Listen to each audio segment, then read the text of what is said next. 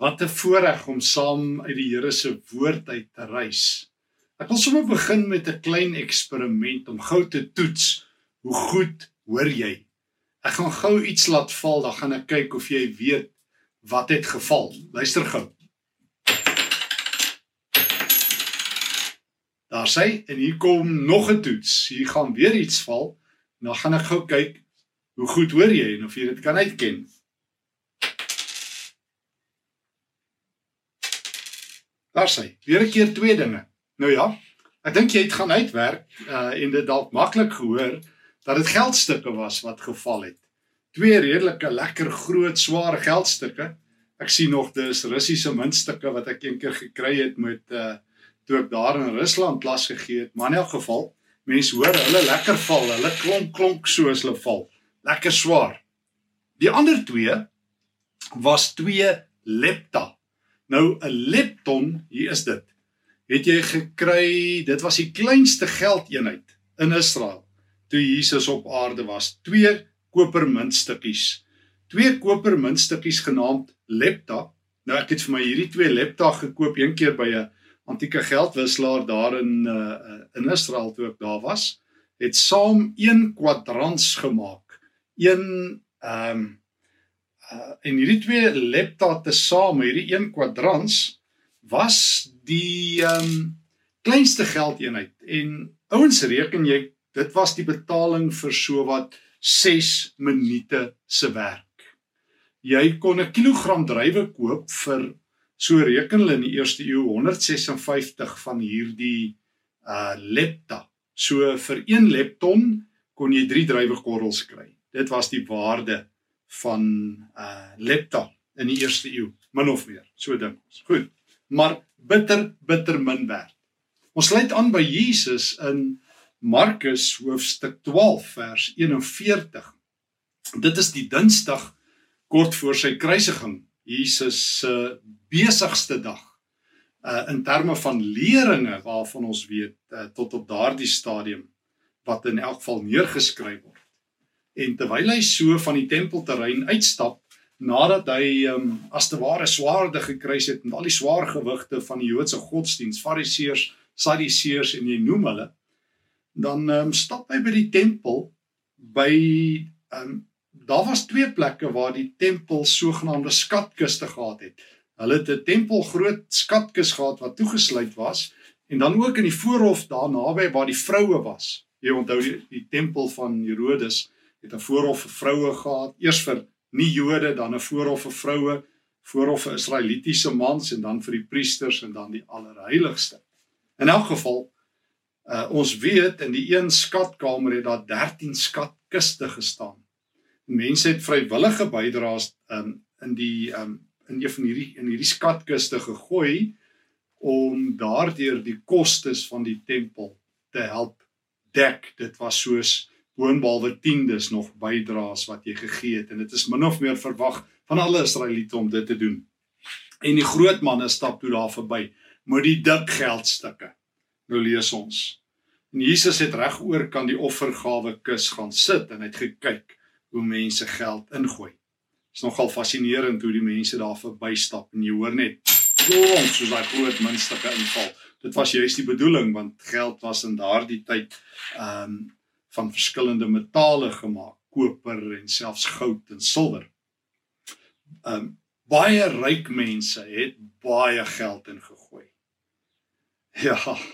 Uh Joodse godsdiens het ook maar soos dobbel gewerk.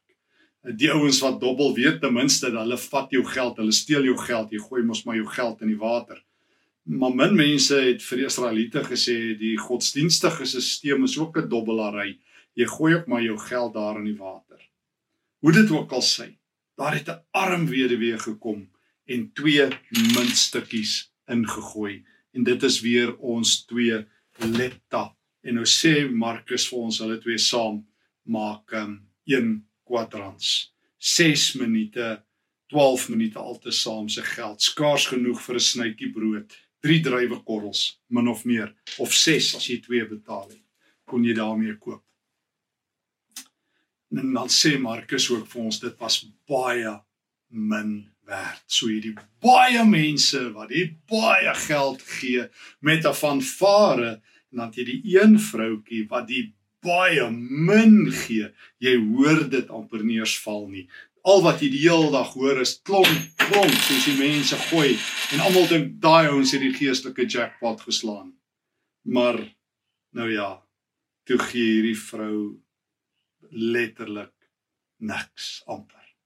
Maar Jesus is daar. O God, kyk, luister, reageer anderster. God se ekonomie, God se wêreld is so 100% 1000% anderster. By God is is dit beter om te gee as ons ontvang, onthou jy? Onthou jy Paulus wat dit aanhaal in Handelinge 20 daarby uh, vers 334? Die Here Jesus het gesê, dit is beter.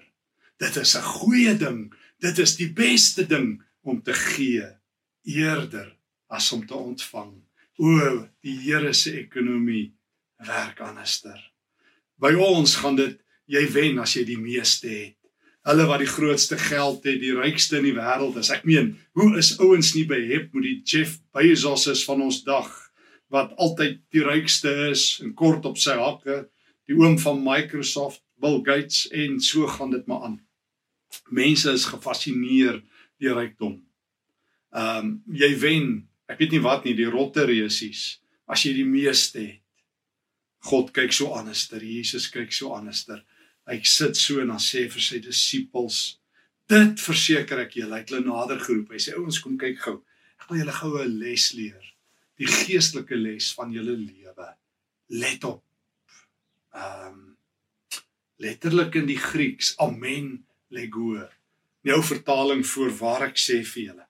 Nou hier's 'n hier's 'n kantlyn opmerking. Net Jesus het dit ooit gebruik. Ander rabbies nooit. Wanneer Jesus dit gebruik, wil hy jou briek, jou aandag trek. Dit is soos wanneer jy in die motor ry en die volgende nog gesê jou radio nuusflits, nuusflits. Breaking news. Hier is nuus wat jy jou ore voor moet spits. Los alles, gee aandag. Hierdie nuus gaan jou lewe verander. Disippels, kom hierso. Breaking news. Die nuutste geestelike biljoenêr in die koninkryk van God is pas gebore. En hulle sê: "Waar, Here, waar? Want ons hoor net geld val. Was dit daai man met die um, met die goue klere en kettinge? Was dit daai persoon met die indrukwekkende klomp mense om hom? Ons het gehoor hy het alweer vandag 'n nuwe rekord gebreek van van bydraes." Nee, sê Jesus. Dis 'n weduwee. En daar sien die disippels so skuifel 'n ou weduwee daar by die tempel uit. Nou jy moet weet, uh, ook as jy Lukas 2 ken van Simeon en Anna en as jy Bybelse geskiedenis ken, dat weduwees altyd slagoffers was. In Joodse tradisie kon vroue nie eintlik werk nie. Uh, dit was nie toegelaat nie. Die mees weerlose mense in Joodse tradisie was vroue en kinders. Want as daar nie 'n man was om vir hulle te sorg nie, was hulle op hulle eie. Dan moes die weduwees maar half bedel en en twyfelagtige beroepe doen en enigiets net om te oorleef. Geen wonder nie dat God in die Ou Testament op Psalm 146 sê, sy vriende is die weduwees en die weeskinders. Geen wonder nie dat Jakobus 1 uh, daar in vers 25 sê, ware godsdiens is ja om jou vry te hou van die sondige besmetting van die wêreld om weduwees en weeskinders raak te sien.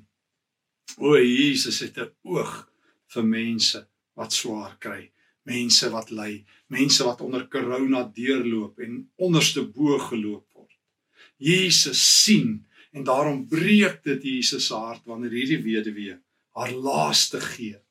Sy hoef dit nie te gedoen het nie, maar maar die godsdienstelsel het so hard, so wreed geword dat jy moes gee en gee maar God sien haar hart. Dit verseker ek julle. Breaking news, nuusflits uit die hemel. Hierdie arm weduwee het meer gegee as al die mense wat hulle geld laat klonk het, klonk het daar in die tempel se skatkis. Hoekom, Here? Vers 44. Hulle het almal uit hulle oorvloed iets gegee. Sy het uit haar niks alles gegee. Hulle het uit hulle oorvloed iets gegee. Sy het uit haar niks alles gegee. Ek meen 2 lepta, 1 lepton, 3 druiwekorrels, 2 lepta. Sy kon minstens een dag se honger nog van haar voorstoep af gehad het. Sy het gegee alles waarvan sy moes lewe. Nee, die Bybel sê nie ons moet haar voorbeeld volg en onsself tot in verhongering weggee nie. In verhongering in weggee nie. Nee, die Bybel sê nie ons moet waas wees nie. Maar die Bybel vertel tog vir ons So ons moet hierdie teks nie te maklik laat los nie. Dit moet ons in 'n spanningsveld intrek. Dit moet ons laat sê ons moet ons linkerbreine, maar dis nie verantwoordelik nie. Nee, Jesus sal sê ja. En uh, ons moet sê saam met die finansiële kommissie van duisende kerkrade, ons moet verantwoordelik werk met die Here se geld. En die Here sal sê ek sal vir julle hande klap, maar julle gaan nie die wêreld verander. En ons moet sê ons moet opspaar vir 'n reënerige dag en die Here sal sê dit reën lankal. Want maak nie saak wat Stefan probeer om uit hierdie teks uit te kom nie. Maak nie saak wat jy doen nie. Hierdie teks is in die Bybel en Jesus sê kom ek wys vir julle. Wie is die mense wat God se aandag vang? Daardie mense wat gee as 'n offer. Nie daai mense wat bietjie gee uit baie nie, maar daai mense wat baie gee uit bietjie. Hm, 'n Dag later, ek nooi jou uit na nog 'n teks, Markus 14. Die volgende dag die Woensdag, die stiller dag van Jesus. Uh bedoelende dit lyk nie van weer tempel toe gaan nie. Dit is Judas Iskariot se uitverkoopdag. Silwermuntstukke, 30 van hulle. Die prys van 'n Joodse slaaf. Dit beding hy vir Jesus se verraad. Dis in deur Markus 14:2. Jesus was in Betanië in die huis van Simon die Melaatse. Terwyl hy aan tafel was, het daar 'n vrou ingekom met 'n albaste fles egte baie duur nardusolie. Sy het die fles oopgebreek, dit was hierdie lang flessies wat hierdie nekkie van breek en dit was 'n nardesalf wat daar van Nepal se wêreld gekom het. En sy het die inhoud op sy kop uitgegiet. Party van die mense was onmiddellik kwaad. Waaroor hierdie vermorsing van reukolie? Hierdie reukolie kon vir meer as 300 silwer muntstukke verkoop gewees het en die geld vir die armes gegee het en hulle het teen haar uitgevaar. Lees nou verder. Ons het hierdie arm vrou die Dinsdag wat uit haar niks alles gee en onmiddellik God se oë vang. En dis asof God sê soos soos soos wat mens terugdink aan aan Elia se tyd van die weduwee van Sarfat en so aan. God het gesien. God het gesien God vergeet nie. Ja, om die mense wat die groot dinge vir die Here wil doen, laat hulle maar aangaan. Dis hierdie klein weduwee, hierdie hierdie onbelangrike vroutkie, hierdie soos die Hollanders sê insignificant persoon wat nêrens in die wêreld raak gesien word nie, wat 'n stemlose geword het, wat 'n randfiguur geword het. Yesterday's heroes, wat in moedverloorse vlakte 'n enigste verblyfplekkie gekry het. O God, weet as jy gee. Daarom daarom um, sien hy raak. Maar nou soos aan die ander kant, Jesus eet by Simon die Melaatse, verwysing dat hy genees het. Jesus het waarskynlik daar oorgebly by hulle. En onverwags kom nog 'n vrou ingehardloop. Hierdie keer 'n baie welaf vrou, 'n ryk vrou. Sy breek die duurste olie, parfuum wat mens kan kry en gooi dit oor ons Here Jesus se kop. En ons hoor die waarde hiervan meer as 300 denari. Soos vertaal 'n silwermuntstuk. Nou in die Romeinse ryk was 'n denarius die geld wat jy gekry het vir een dag se werk. 'n dag se werk. Jy onthou ehm um, Matteus 20 die arbeiders wat verskillende tye gehuur word, hulle hulle kry elkeen 1 denarius. En ons weet uit Joodse tekste dat die die die lewensstandaard in die eerste eeu was gereken op 200 denari meervoud. Om minder as dit te kry het beteken jy lewe letterlik tussen lewe en dood. Hierdie vrou gee meer as 300 meer as 'n jaar en 'n half se inkomste gooi sy op Jesus uit in een oomblik. Kan jy dit glo? 'n Jaar en 'n half se inkomste in een oomblik.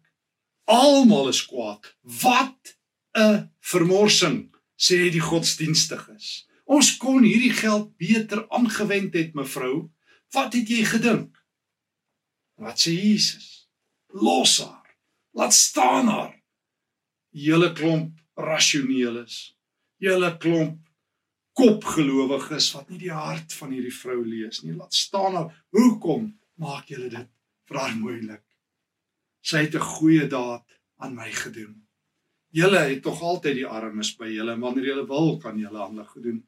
Jy het nie vir my altyd by julle nie. Ehm um, wat sy kon, het sy gedoen. Albei vroue. Hulle vra niks. Almal, al die res, al die mans vra iets van Jesus. Die blindes wil hulle sig terug hê, die dowes wil hoor. Um, die die godsdienstige soek wondertekens en hierdie twee vroue vra niks. Dit is hoe jy met jou geld maak as jy die Here se oog vang. Dis hoe jy met jou lewe maak. Jy lewe vrygewig. Jy gee. En jy vra nie terug nie. Jy belê jou lewe. Nee nee, as jy gedink het dit gaan oor geld, toe nie. Hulle gee hulle self. Die Nuwe Testament het geen gesprek oor tiendes nie. Wag ek jok, daar is twee verse en dis nie positief nie, Matteus 23 en Lukas 18. Jesus sê die Fariseërs weeg hulle tiendes af van kruistement en koljander in Matteus 23, maar hulle laat die wet na. Ons hoor in Lukas 18 vers 9 tot 14 van die tollenaar en die fariseer en die fariseer spog oor sy twee tiendes wat hy al gee. En Christus sê dis hartseer want jou saak met God is nie reg nie. Jy beklink nie 'n transaksie met God nie. Jy's nie besig om vir God 'n transaksie te maak en dan sê jy Here, ek sal besluit hoeveel ek vir u gee en hoeveel hou ek nie. Dis Ou Testament. In die Nuwe Testament gee jy jouself Jy doen wat die Macedoniërs doen in 2 Korinte 8 vers 1 tot 5. Hulle was brandarm, sê Paulus. Maar hulle het hulle self gegee toe Paulus geld begin insamel het vir die gemeente in Jerusalem. En dan sê Paulus dit was meer as wat ons verwag het. Hulle het hulle self eerste aan God gegee en toe aan ons. O so gee Christene. Christene klim self in die kollektebordjie. Christene word die lewende offer. Hm. Ou vriend George Nell sê altyd as mens uh, nog net 'n tiende gee, het jy minstens nog net nie by God gesteel nie. Dis al. Dis nog Ou Testament. In die Nuwe Testament gee jy jouself en jy vertrou God. Dis 'n offer. Is dit verantwoordelik? Nee, nee, nee, dis nie verantwoordelik volgens wêreldse terme nie. In wêreldse terme gee jy wat oorbly. In die Nuwe Testament gee jy voordat jy bereken wat oorbly. Nee, jy's nie totaal irrasioneel nie. Maar jy ken Spreuke 19 vers 17 dat om 'n arme te help is om 'n lening aan die Here te maak. Nee, jy het nie gehoor nie. Om 'n arme te help is om 'n lening aan die Here te maak. Ja ja, jy ken Matteus 10, daar in die vers 40s waar Jesus sê, um, as jy 'n beker koue water vir een van my disippels gee, een van my profete, een van my disippels, sal God dit weet hoe ek het groot geword. Die Here sien alles. Die wiel sal draai. O, oh, sê ouens dit op nie nog vandag nie. En as ou Dominee sê die Here sien, dan sê ek o, gedorie waar hier kom die moeilikheid. Die Here kyk vir ons uit. Hy kyk vir ons stikkend. Hy kyk vir ons op en af. Nee, sê Jesus. Toe ek die Nuwe Testament gaan lees, het ek gehoor God het 'n ander oog. Hy kyk raak as jy vir iemand 'n beker koue water gee. Matteus 10 Lukas 14 sê Jesus vir daai mense wat so hardloop vir die beste plekke by die ete. Sien of weer 'n ete hou. Moenie jou vriende, jou familie, die ryk mense en die dorpsmense nooi nie, so vier kategorieë. Nooi die armes, die krepeles, die lammes en die blindes. Hulle kan jou nie vir uh, dankie sê nie. Hulle kan jou nie terugnooi nie. God sal onthou. God sal onthou. En daarom onthou Jesus en hoor hoe onthou hy in Markus 14 wat hierdie vrou kon het sy gedoen. Sy het my liggaam vooruit vir die begrafnis gesalf. Ja ja, dit is Woensdag aand. En teen Donderdag nag sal alle hel losbreek op die Via Dolorosa. En sal Jesus gespoeg en geslaan en mishandel word en en gekruisig word en terwyl hy sterf sal hierdie reuk nog aan hom hang. As hy gesalf. Dit verseker ek julle. Breaking news weer 'n keer. Net soos in Markus 12, is dit nie mooi nie hoe mis ons dit. Amen. Hoor oral in die wêreld waar die evangelie verkondig word, sal daar vertel word wat sy gedoen het ter herinnering aan haar. Behalwe dat nêrens in die wêreld waar Stefan is, ooit oor hierdie vrou gepraat word. Die sy maak ons ongemaklik. Ons soek linkerbrein mans wat moet geld kan werk. Wat dit kan bestuur. Ek het groot geword dat die kerk die suiwigste plek is wat ek ken. Want ons was besig om op te spaar vir 'n reënerige dag totdat ek eendag in desperaatheid vir 'n kerkraslid gesê het, geskree het, ek kry so skaam. Dit reën, meneer. Het jy dit nog nie gesien nie? Waarvoor spaar jy op? Nee, ek is nie 'n dwaas en 'n cowboy wat uit die heup uit skiet nie. Ek gooi nie geld weg op die water sinneloos nie, maar ek waag dit soos hierdie weduwee. Ek deel wat ek het. 2 kwadrantes of 2 lepta of 300 denari, maak nie saak nie. Ek onthou in Lukas 2 as die as die as die armes daar na Johannes die Doper kom, ja, eh, daar by ag jy ken dit Lukas 2, Lukas 3. Dan vra hulle vir Johannes wat moet ons doen? Dan sê hy as jy twee stelle klere het, gee een weg.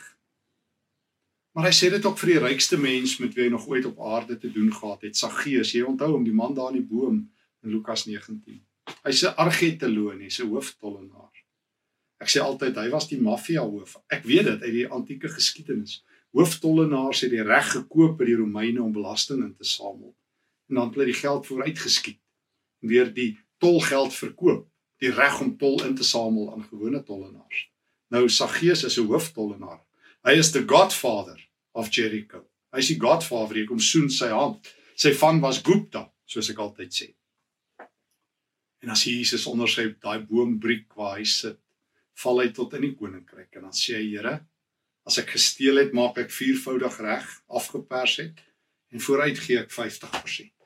Soos die armes wat by Johannes die Doper hoor wat na hom toe kom daar in die Lukas Evangelie se begin. Ehm um, as jy twee stelle klere het, het jy iets om te deel. Ek weet nie wat die Here van jou en my vra nie, maar ek weet hy sê een ding deur hierdie verhale. Die hart van die hart van die hart van die van 'n Christen is vrygewig.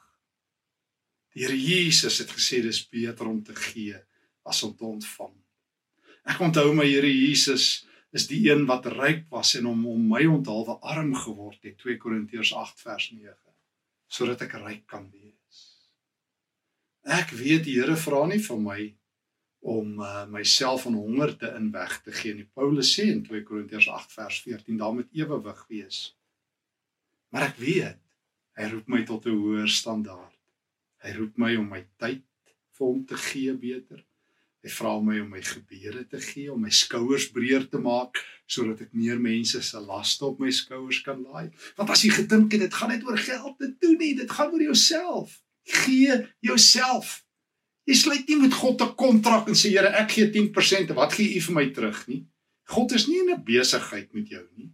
Jy het God nie op 'n kontrak nie.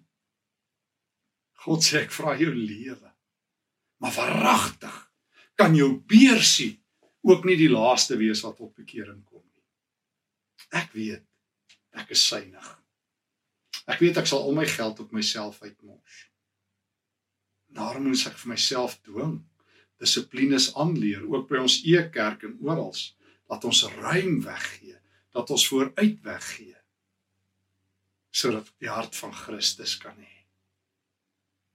Twee keer is daar breaking news in daai laaste week wat ons miskyk. Twee vroue wat niks gevra het nie. Nie van daai vroue vra iets nie. Hulle gee. Die arm weduwee met haar twee lepta wat die biljoenêr geword het. Die ryk vrou wat ook gedoen het wat sy kon. Albei het met God se hart geresoneer. Wat sy kon, het sy gedoen en jy doen jy wat jy kan of probeer jy met die helfte wegkom? En Stefan, doen ek wat ek kan of probeer ek met die helfte wegkom?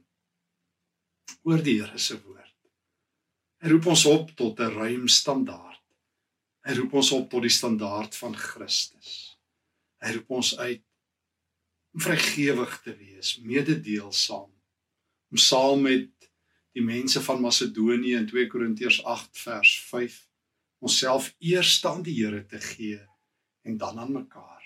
En wie weet, wie weet, Wie weet, oral in die wêreld waar die evangelie verkondig word, sal daar oor ons dalk dan gepraat word ter herinnering aan haar. Vandag herinner die Here ons aan hierdie vrou. Laat sy die spieël word waarin jy jouself sien. Mag die Here ons help om vrygewig te wees. Amen. Dankie Here dat ek die woord gehoor het. Here, dit is swaar, ek moet bely. Ek wat so min het of ek wat so baie het. Ek is altyd ongelukkig as ek nog moet gee. Maar leer my u ekonomie, u hart. Leer my om te gee soos u gee, u self. Dankie dat ek dit kan doen. Dankie dat ek vandag ter herinnering aan hierdie vrou en aan die weduwee meer en ruimer betrokke kan wees in Jesus se naam. Amen. Vrede vir julle.